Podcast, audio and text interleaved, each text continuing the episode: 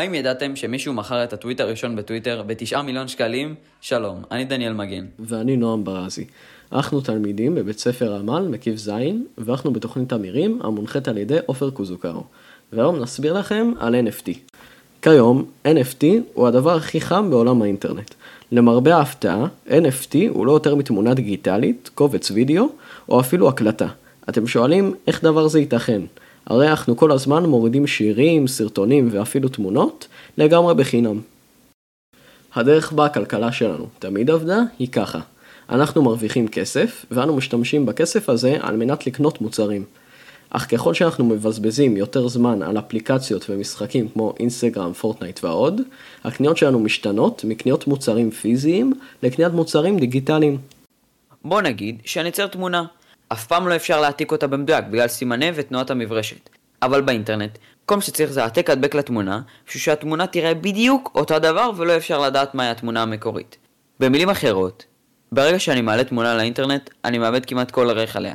פני ובגלל שאפשר לשכפל אותה אינסוף פעמים, הערך שלה יורד דרמטית.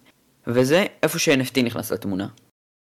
המשמעות של NFT היא Non-Fungible Token, מה שמתורגם לפריט שלא ניתן להחלפה. משמעות זאת אומרת שלפריט יש רק עותק אחד, ככה שלכל NFT יש ערך משל עצמו. אבל למה לי לשלם על הקובץ הזה כאשר אני יכול לקחת אותו בחינם? על ידי צילום מסך או הורדה של הקובץ?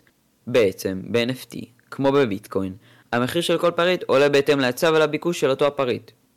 כמו ביטקוין, NFT משתמש בטכנולוגיית בלוקצ'יין, המאמת את הבעלים של אותו הפריט כדי למנוע העתקות והורדות של אותו הפריט, שאומנם לא ימנע ממני להוריד את אותו הפריט, אך כן ימנע ממני לקבל את הכסף במידה ואחליט למכור את אותו NFT. יש מספר יתרונות ל-NFT. בזכות ל-NFT יש לאומנים פלטפורמה ודרך חדשה לפרסם ולקבל הוקרה ואפילו כסף על היצירות שלהם. ולמעריצים, יש דרך חדשה לתמוך באומן שהם אוהבים ולקבל בעלות על עותק דיגיטלי מהיצירה של אותו אומן. בנוסף, מתמיכה זאת לאומנים יש אפשרות להציב חוק שכל פעם שהיצירה שלהם נסחרת, הם יכולים לקבל סכום משווי העברה. לדוגמה, על היצירה שלי, אני יכול לקבוע שאני אקבל 20% משווי היצירה כל פעם שהיא נסחרת. עוד יתרון הוא שכל אחד יכול לעשות כסף מ-NFT, ושזה שוק בפני עצמו. אנשים יכולים לקנות ולשכור ב-NFT במטרה לעשות רווחים, ולכל NFT יש פוטנציאל להיות שווה הרבה.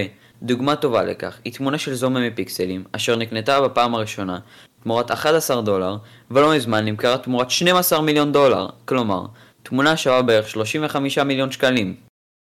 עם כל היתרונות שיש ל-NFT, יש לו גם חסרונות. אחד החסרונות של NFT הוא שבמידה וקניתי NFT, אני לא יכול להדפיס אותו על חולצות, שלטים וכוסות קפה ולהתחיל למכור אותן. ה-NFT נותן לי בעלות על היצירה, אך הוא לא נותן לי זכויות יוצרים עליה. הזכויות יוצרים תמיד יהיו שייכות לאומן. עוד חיסרון ל-NFT הוא שבשלב זה רוב יוצרי ה-NFT הם לא יותר מרובוטים. כיום רוב היצירות של ה-NFT הם בעצם ציורים ממוחשבים הנוצרים באופן אוטומטי. תודה רבה שהקשבתם לנו, אנחנו מקווים שלמדתם משהו חדש, ובמיוחד תודה לעופר, שעזר לנו לאורך השנה ולימד אותנו כל כך הרבה.